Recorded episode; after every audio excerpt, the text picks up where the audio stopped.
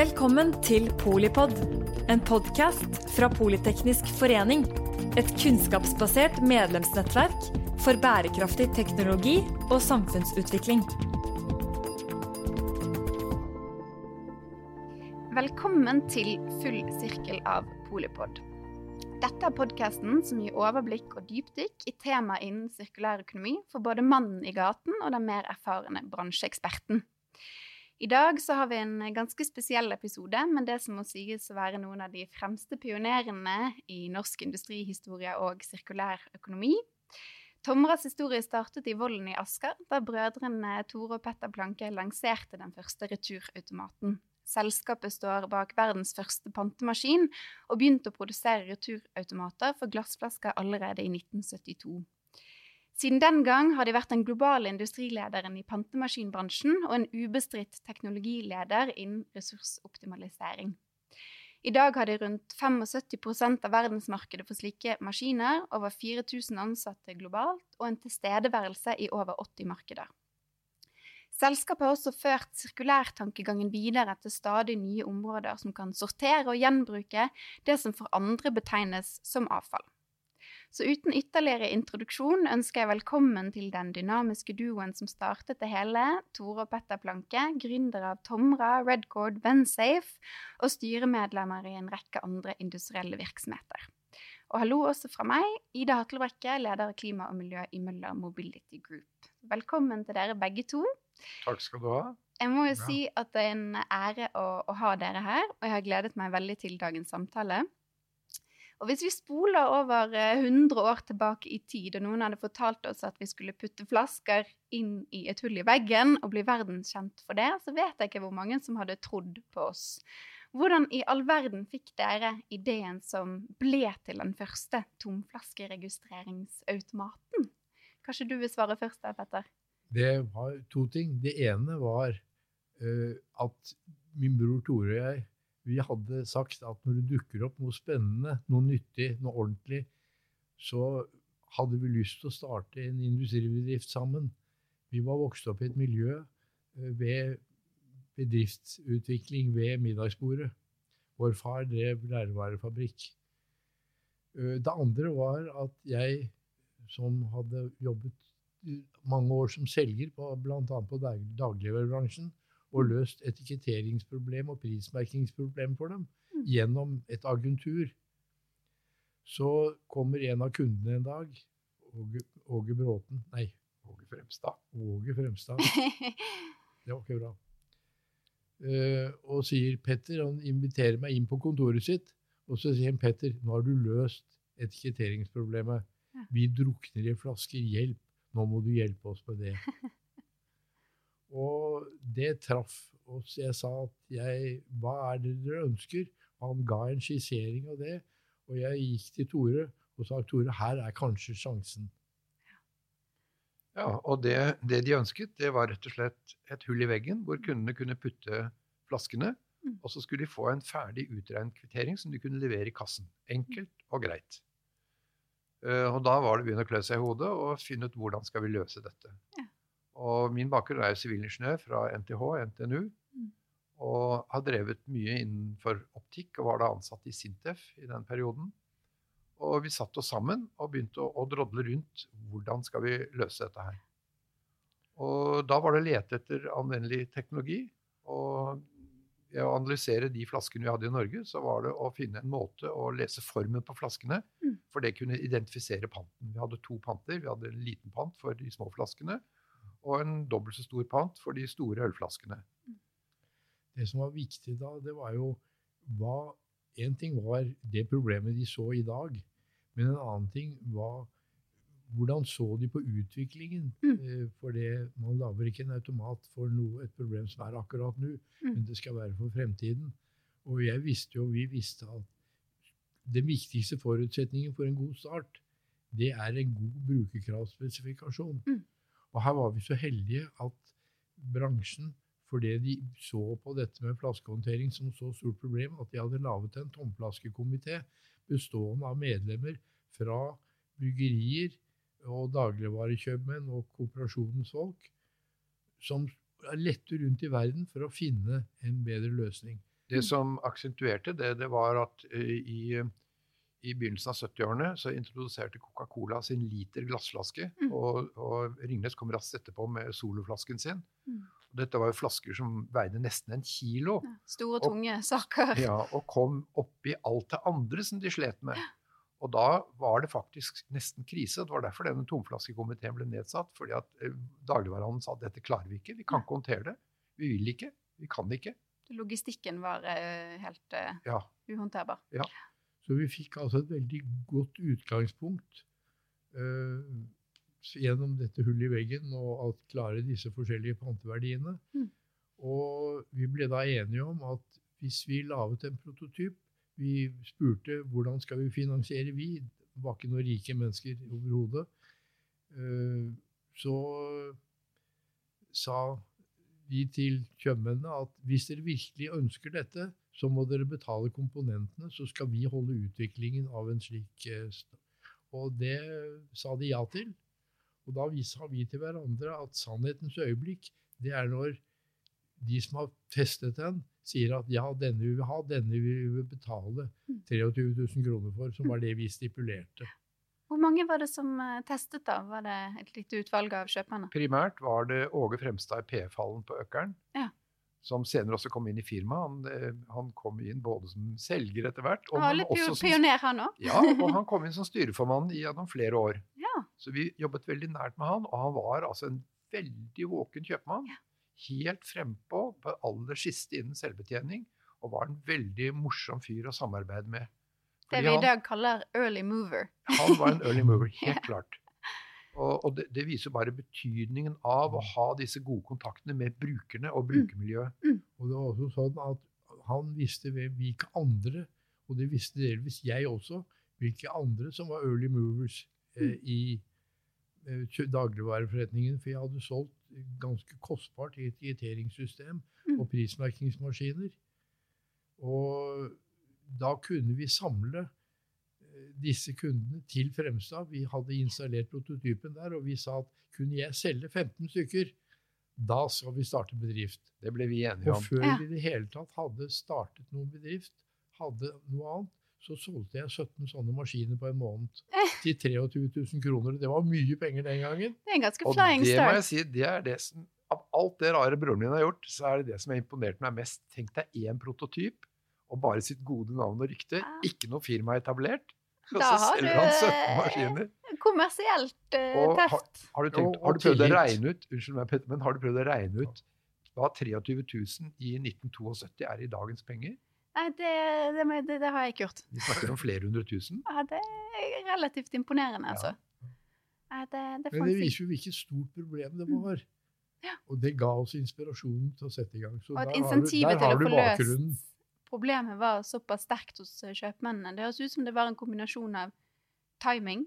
Problemet var så prekært at mange ønsket det løst. Domenekompetanse og en fot innenfor døren, og ikke minst også teknisk eh, kompetanse og innovasjonsevne. Ja. Um, Så ideen vår var, og den fikk vi utviklet sammen med kjøpmennene, at verden kan ikke bli bra i bruk og kast. Men da sa vi at da skal vi hjelpe dere til å få det så rasjonelt at både byggeriene, dere som leder butikkene som skal kjøpe maskinen, og kundene aksepterer løsningen som en rasjonell og god ting. Jeg har jo også lest at eh, panteautomaten ikke var den første ideen dere testet sammen, men at den tiltrekningen mot å løse problemer, det, det var jo over dere lenge før eh, det. eh, var, dere var jo så vidt inne på det i sted, men har dere alltid visst at dere to ville starte noe sammen? Det er jo ikke alle som klarer å starte noe med et familiemedlem eller en partner, eller Det er jo en viss fallhøyde hvis man skulle gå i tottene på hverandre. Ja, vi, vi har jo alltid vært gode venner. Eh, Jeg har alltid respektert han der eldre broren min som en luring, selv om han var økonom og markedsfører. Og jeg selv med min bakgrunn fra, fra NTH, og, og jeg gikk på Institutt for kybernetikk, som er en, et, en veldig spennende linje som dekker over et veldig stort teknologiområde. Det er jo ikke en Mm. teknologispesifikk linje. Og var også en av de første som fikk formell datautdannelse på kybernetikk. Men han kunne mer enn den tekniske kybernetikken. Han var også, det hadde jeg lett, han var en mekker. Mm. Han fikk alt, var veldig flink med hendene. Og ska, gjorde ting som imponerte meg. Mm. Og en sånn tommelautomat det er et mekatronikkprodukt. Det består både av avansert eh, teknologi, Mm. men det består også av en god teknologisk, teknisk løsning. Så Og den det mekaniske passet ja. perfekt for broren min Ja, ja. Å, å kombinere. Så han er den store mekatroniker, vil jeg kalle ham. Det er jo senere blitt et begrep, det er jo mekatronikk. Ja. Det var jo ikke den gangen. Og jeg har vært annet med på en del utvalg for å se på dette i, i forbindelse med flere, i, i flere sammenhenger. Mm. For jeg er veldig opptatt av mekatronikk, nemlig samspillet mellom elektronikk Mm. og, og det mekaniske. Og hvis du ser på en tomrautomat sånn som den var, så var faktisk de vesentligste kostbare elementene i den automaten det var all mekanikken. Motor, drivverk, ja. bånd, printere, altså alle disse tingene. Elektronikken var faktisk en mindre del. I dag er det litt forskjøvet fordi at eh, det er så avansert, eh, Mm. det som er inni en automat, at elektronikken er en større andel av totalen. Og i dag kan man se den første prototypen hvis man besøker eh, Tomras hovedkontor i Asker. Ja, da står den i resepsjonen. Når du går inn av døren, til høyre på høyre siden, så står den prototypen som eh, Rent bortsett fra noe sveising, så er den mer eller mindre håndlagd av undertegnede. Ja, ja. Og den står der med bilde av oss to på, vet du, som står for The Founding Fathers. ja. De som er nysgjerrige, må ta seg en tur, da. den installasjonen var en opplevelse. Ja. Eh, Det var da 2. januar 72. Og til stede var da Åge Fremstad Mm. og en meget kjent kjøpmann i Oslo, Kolbjørn Jacobsen. Ja. Står bak Jacobs på Holte. Oh, ja. Og vi fikk ikke lov å starte før etter at butikken hadde lukket. De skulle ikke sjenere sine kunder med at vi skulle drive og snekre og installere denne hullet i veggen. ja, ja. Det måtte skje til stengetid. Ja, og da klokken var 11 på kvelden, så var vi ferdige, og vi skulle teste den. Og da, sannhetens øyeblikk var da om den kunne se forskjell på en eh, liten øl, en murer, en sånn høy 0,7 liter øl, og en ketsjupflaske som den ikke skulle betale for. Og Kolbjørn Jacobsen sa Og en brusflaske. ja, en, ja, det sa jeg først. En 0,30. Men Kolbjørn Jacobsen satt da disse flaskene på båndet, og ut kom det trykket et eh, kvittering. To flasker og 90 øre. Og da sa Kolbjørn at nei, nå, det var stort. Nå skulle vi hatt champagne. Fikk tatt en øl, kanskje. Nei, vi hadde champagne liggende i bilen, så Å, vi sa bare et lite øyeblikk, og det var kjølig og godt ute. Så det var en minnerik start. Åh, det er fantastisk. Vi drakk champagne av pappkrus. Åh, det er nydelig. Ja. Åh, skulle vært flue på veggen for det øyeblikket. Ja. Hvis vi zoomer eh, litt grann ut, så, så er jo det norske pantesystemet det meg bekjent begynte jo som et ganske unikt industrisamarbeid mellom flaskeprodusentene, bryggeriene og aktører innenfor varehandel. Hva tror dere har vært den viktigste nøkkelfaktoren for at dette systemet har eh, lykkes, og som konsekvens har blitt modellert av land verden over, som, som kommer til Norge for å lære av det vi har fått til? Det var det at vi klarte i Norge å få alle partene til å samarbeide. Det var det første. Fordi ellers så var det alltid en fight mellom grossister, mellom produsenter, mellom butikkene, eh, forholdet til kundene. Men vi klarte gjennom flere år, og faktisk flere år, vi jobbet for og Jeg sier vi, jeg var veldig sterkt engasjert i etableringen av Resirk. Mm. Og satt også i det tekniske arbeidsutvalget som prøvde å finne frem til alle disse tekniske løsningene. Og også eh, i, i forbindelse med det satt meg ordentlig inn i sirkulærøkonomien rundt dette med engangsemballasje, for det var Mm. også aktuelt. Vi diskuterte allerede da bokser, Mm. å innføre bokser i Norge. Bokser var ikke i Norge fordi avgiften var så høy, Mm. fordi vi ikke ønsket å ha bokser. Men hvis vi kunne få det inn i et sirkulært system, så er jo en aluminiumboks er jo en ganske genial emballasje for, for drikkevarer, spesielt eh, med kullsyredrikkevarer, altså drikkevarer under trykk. Så takket være det samarbeidet og en del ildsjeler, både i, ikke minst i Kolonialgrossistenes forening og også innen dagligvarebransjen så, og bryggeriene eh, Det var jo folk innenfor, innenfor eh, bryggerinæringen og mineralvannæringen som var sterkt imot, Mm. og som kjempet imot. Men de så etter hvert, fordi at vi etter hvert klarte å komme frem med løsninger, så så de at dette her kunne bli en win-win for alle. Mm. Og så da, Men det var ganske sent, helt ut på begynnelsen av 90-tallet, så ble Resirk i Norge etablert. Det er da forløperen til dagens infinitum. Yes. Yes. Og jeg, jeg liker ikke helt det der Infinitum-navnet. Infinitum-navnet. Resirk var et veldig godt navn. Jeg vet ikke, Det var noen som fikk noen høyere ambisjoner, tenker jeg, som byttet det navnet. Men det å ha da et nasjonalt clearinghouse, som det Mm. heter på godt norsk, et sted hvor du clearer panten slik at panten hører til et fellesskap, og Mm. ikke til sånn som du f.eks. finner i USA, hvor panten hører til bottleren, han som fyller flasken, Ja. eier flasken. Han som fyller boksen, eier boksen. Mm. Og da får du et system som kan være selvdestruktivt. Mm. Og hvorfor? Jo, for jo færre du tar tilbake, jo mindre penger betaler du ut i pant.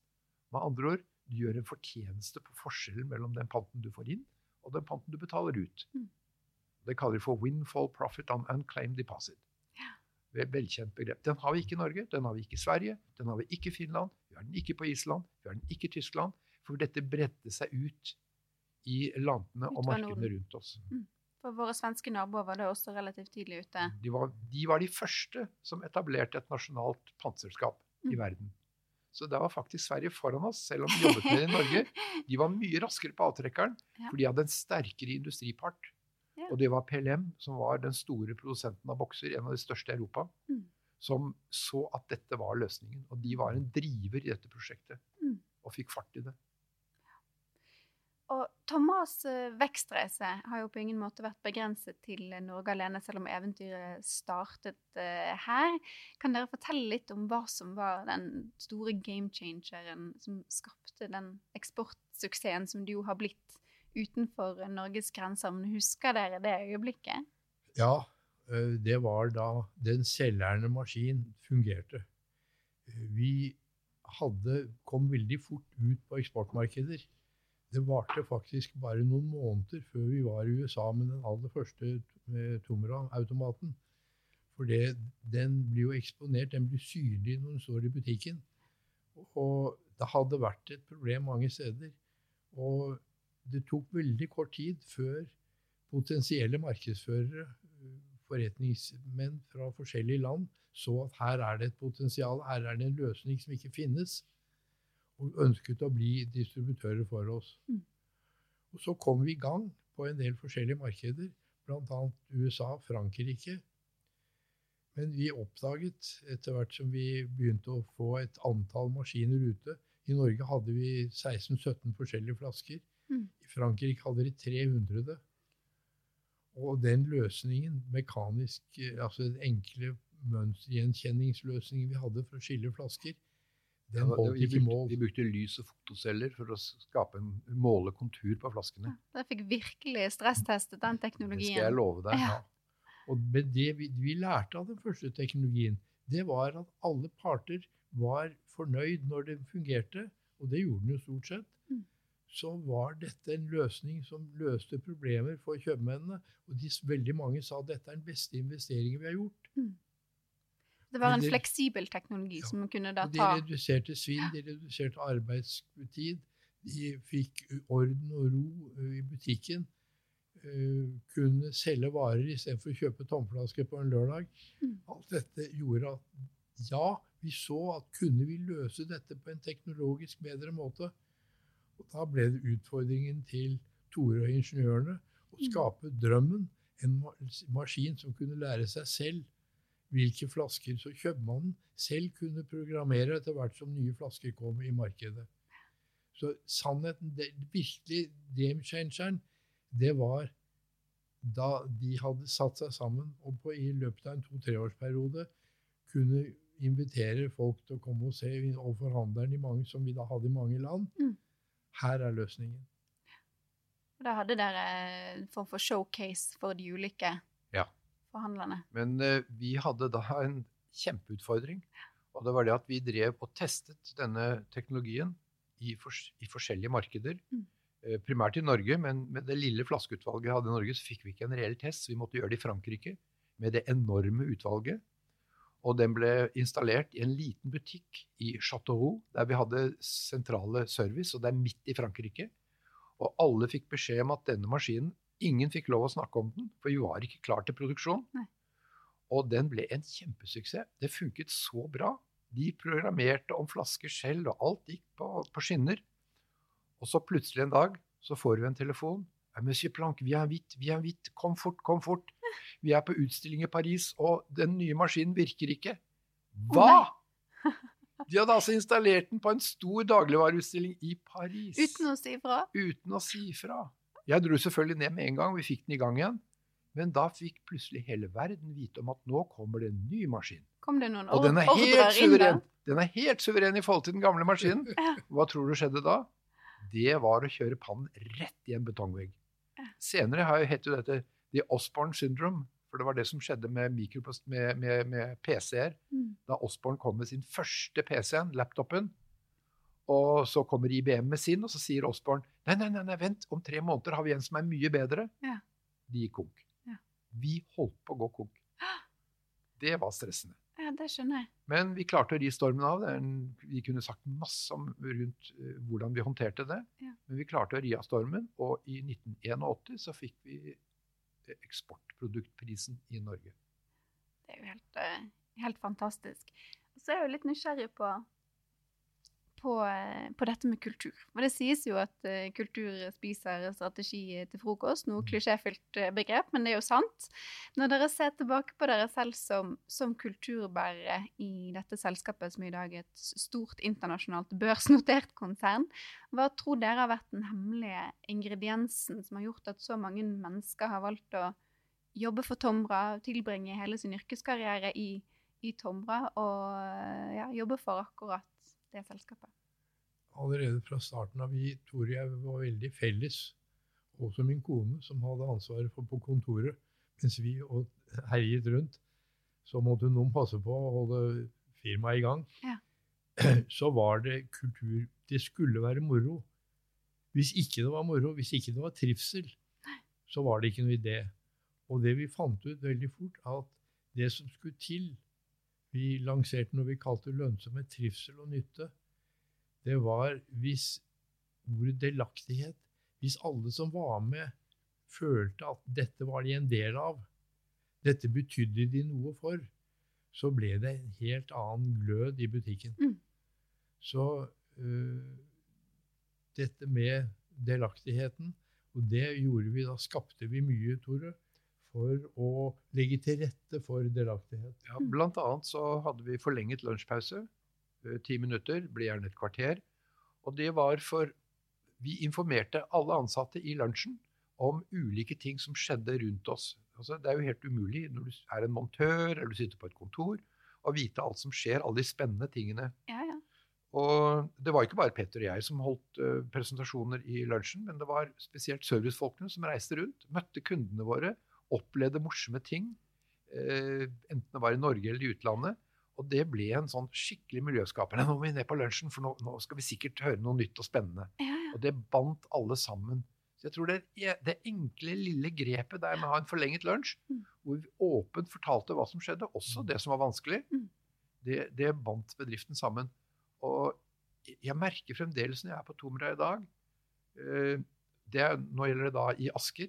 Jeg, jeg kjenner ikke miljøet så mye i montasjebedriften som er i Lier. Men i Asker så føler jeg den samme samhørigheten og den samme stoltheten over å være i Tomra. Og det Mm. er ingenting som gleder meg mer. For det kan jo fort bli i større virksomheter stor avstand ikke sant, mellom administrasjon, ledelse og ansatte. Men dere var jo tidlig med å invitere også ansatte med inn gjennom uh, aksjeprogram og, og gi, gi de en mulighet til å være en del av eventyret på den måten. Det er ganske unikt. Det, det, det er sant, men når du introduserte dette spørsmålet, og du snakket om avstand, Mm. så tenker jeg vi allerede etter tre år så satte vi i gang å bygge vår første fabrikk. Vi startet i en tyskerbrakke. Uh, I Vollen i I Asker. Vollen. Ja.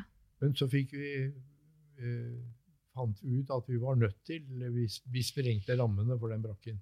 Og vi bygget et bygg på 1000 kvadratmeter som var ferdig tre år og noen måneder etter at vi startet. Så flyttet vi inn i eget bygg. Mm. Og bare for å snakke om nærhet mellom resepsjonsområdet og monteringshallen, så hadde vi ingen dører. Nei. Du kunne se, du kunne komme inn i butikken og se rett inn i produksjonen, og produksjonen ble en del av hele butikken fra starten av. Det er Helt fantastisk. Nå ser man jo at mange industribedrifter utformer jo fabrikkene sine på den måten, som, nesten som besøkssenter. At man skal kunne forstå og oppleve hva som skjer der. At ikke, ja. Ja.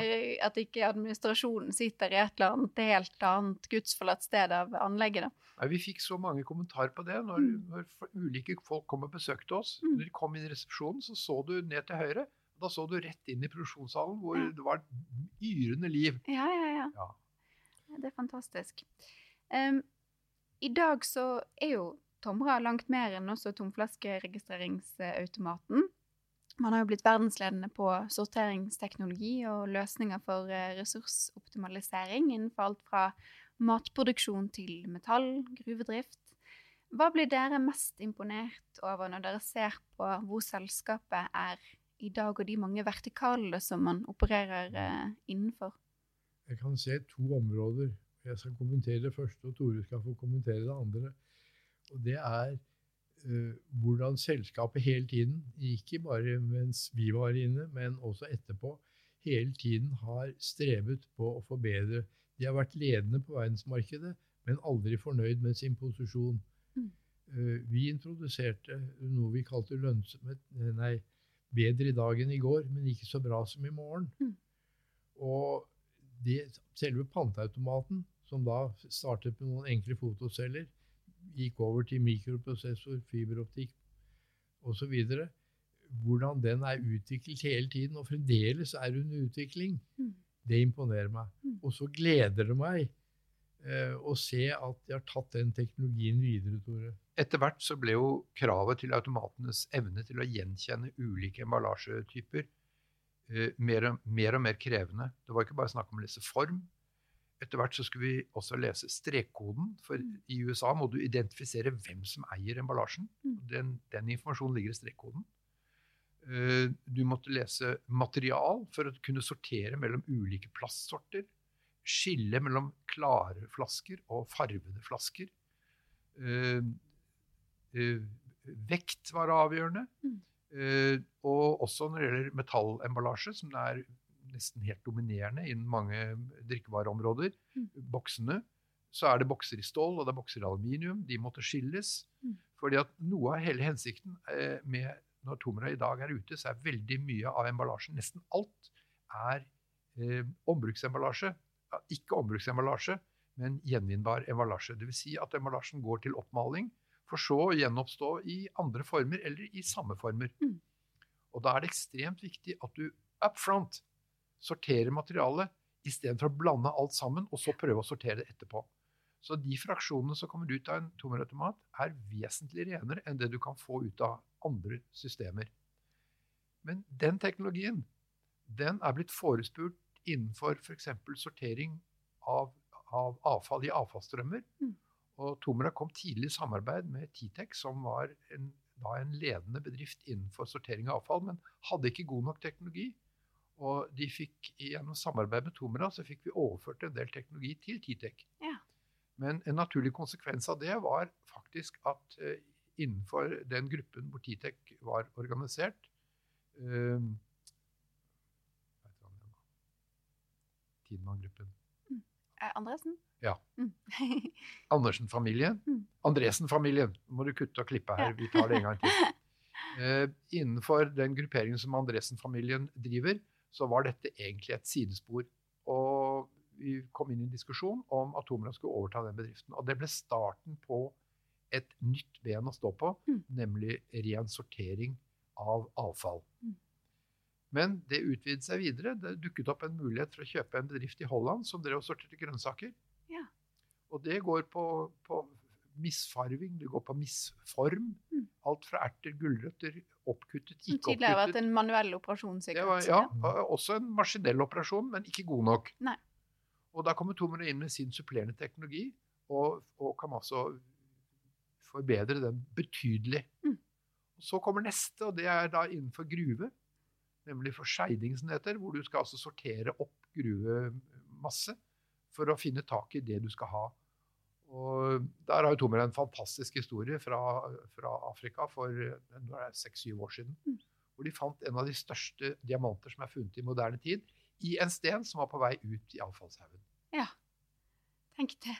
Jeg ser også fra min egen eh, bransje og verdikjede, så er jo disse store fragmenteringsverkene, som jo tar imot eh, eh, biler det, det, er jo helt, De bruker jo tømmermaskiner for å nettopp få disse rene fraksjonene som eh, du var inne på. ikke sant? Ja. Av stål og aluminium, eh, som eh, jo kan resirkuleres evinnelige ja. ganger. Så det er jo en har jo virkelig vært en muliggjører for at man skal kunne få til den sirkulariteten i en rekke verdikjeder og, og industrier. Ja, og gjør du dette riktig, så er det mm. veldig god økonomi i det. Mm. Fremfor å utvinne disse materialene fra fra kilden. Mm. Enten det er olje eller det er gruvedrift eller hva det er. Ja, Man holder jo de materialene ved, ved høy verdi og yteevne så, så, lenge som mulig. Jeg, jeg, tror faktisk også at det er fremtidig, den fremtidige gruvedriften når det har gått 500 eh, år. Mm. Jeg tror det er de store, enorme avfallsdeponiene som finnes rundt omkring i verden. Det ligger jo så mye flotte materialer der som er mye billigere å opprede fra en, fra en sånt deponi enn å utvinne det med å bryte fjell. Det, det, håper jeg virkelig. Jeg er veldig enig i deg at vi må også bort fra ordet avfall eh, og i en eh, sirkulær økonomi. Hvis vi kommer dit, så er jo alt avfall en fremtidig ja, vi ressurs. På, vi er på vei når vi ikke sier søppel, men vi sier avfall. Da har vi ja. kommet ett stykke på vei. Et stykke på veien. Ja. Og, og, dere begge to har jo et sterkt eh, næringspolitisk eh, engasjement som gründere innen miljøet og, og helsesektoren. Hvis dere hadde stått i heisen med vår nye næringsminister Jan Christian Vestre og kunne gitt han noen vennlige råd om hva han og regjeringskollegene burde prioritere å bruke den politiske verktøykassen på fremover, hva hadde det vært, eh, Petter? Ja, det er jo morsomt for det første at han kom, selv kommer fra en industriell virksomhet. For det, det er det jeg har lært gjennom alle disse årene. Jeg har vært 50 år siden jeg begynte som gründer det er at forståelsen for prosesser med å skape en industribedrift og bringe det ut på et verdensmarked, det er en krevende og risikofylt. Mm. Og det at myndighetene er med virkelig og deler på risiko og ser på langsiktighet mm. Det er, Hvis du skal oppnå store ting, så må du tenke langsiktig, og du må være villig til å ta risiko. Ja. Og det at han i større grad kan forstå systemet til å skjønne uh, at risikoavlasting og langsiktig tankegang det må til sammen med at det er ikke alt som er like verdifullt å satse på. Det må være nyttig for landet. Mm. Og vi må ha ressurser i landet som egner seg for å gå inn på dette området. Mm. Uh, da Investinor ble etablert for ca. ti år siden, på etableringsmøtet der, så fikk jeg høre kriteriene for at Investinor skulle gå inn og bruke statens penger. Og så var det omtrent det samme strenge krav som, og de samme kravene som ventureselskap skulle sette. Men det var ikke noe snakk om nytte, samfunnsnytte og langsiktighet. Og da tillot jeg meg å henvende meg til statsminister Stoltenberg. Han var vel da næringsminister den gangen og sa til ham at uh, hvorfor har dere ikke samfunnsnytte som et kriterium og langsiktighet? Hans svar var du har et poeng der, men noe mer gikk ikke. Så jeg ønsker uh, næringsministeren alt mulig lykke på veien. Han har en stor og viktig oppgave. Jeg syns det var noen veldig gode råd. Og det er jo gledelig å se at nå, nå kommer det jo både klimafond og venturefond. Som jo har som hovedmandat å investere i eh, teknologi og samfunnsnytte. Eh, Så vi får håpe at det blir det nye, det nye mantraet fremover. Eh, når vi ser på verden i dag, og den enorme oppgaven som vi har foran oss med, med klima- og eh, naturkrisen, hva håper dere selskaper som Tomra kan bidra til å løse i årene som, eh, som kommer, hvis dere tar på fremtidsbrillene? Det jeg håper, det er at vi slutter å utnytte primærmaterialer fra vår lille, stakkars klode. Mm. At vi i mye større grad klarer å gjenbruke de materialene som vi bruker. Jeg må si, Hver eneste dag så går jeg rundt og ser herregud, det kaster vi, det kaster vi, det kaster vi. Mm. Der kunne vi sortert dette i frontenden og ikke etterpå, så er det så verdifulle materialer. Og kostnadene med å opprede det i forhold til det å vinne ny materiale fra gruver eller fra olje eller fra gass. Det er Jeg skjønner ikke at det ikke kan komme mye, mye lenger. Vi har teknologien for å gjøre det. Vi må bare organisere det på en fornuftig måte, slik vi var med på i Tomra-sammenhengen. Å organisere sånn type Resirk Infinitum i Norge eller Returpakke Sverige eller alle de andre selskapene rundt omkring i verden. Det er jo dit vi må. Pant kan jo appliseres på andre bruksområder. Pant er jo et utrolig godt virkemiddel, og det tror jeg de fleste nå skjønner. Mm. Men utfordringen med pant er at veldig mange av de tingene vi vil ønske pant på, det er rett og slett fordi at de i seg selv har så lav verdi at det er ikke insentiv nok for å levere tilbake. Mm. Så du må legge på en kunstig verdi for at folk skal levere tilbake. Men da må du også organisere det på en måte som gjør at ikke det blir et stort, stort område for, for svindel og bedrageri. Og det var det som var nøkkelen til at Resirk ble en kjempesuksess i Norge, og at Returpakk ble en suksess i Sverige. At det ble et nasjonalt panserskap som håndterte hele greia. Og det er, det er dit vi må. Får håpe kanskje noen fra klesbransjen, klesindustrien, eh, lytter og tar den eh, invitasjonen på strak arm, så vi får eh, gjort noe med de store avfallskleshaugene som vi har sett på, på TV de, de, siste ukene. Um, jeg tenker vi begynner å gå inn for, eh, for landing med, med, de velvalgte ordene der, eh, Tore. Jeg vil takke dere begge to så mye for at dere tok tiden til å komme hit i dag. Vi sitter faktisk og prater sammen fysisk, som jo er en sjeldenhet i, i, disse dager. Og eh, det har vært veldig inspirerende for meg, og jeg er helt sikker på at det har vært det for de som lytter på eh, også. At de tar noen av de vennlige rådene som dere har, har gitt. Um, og dere finner uh, Polipod full sirkel-serien der hvor man ellers finner podkaster, på Spotify og på uh, iTunes.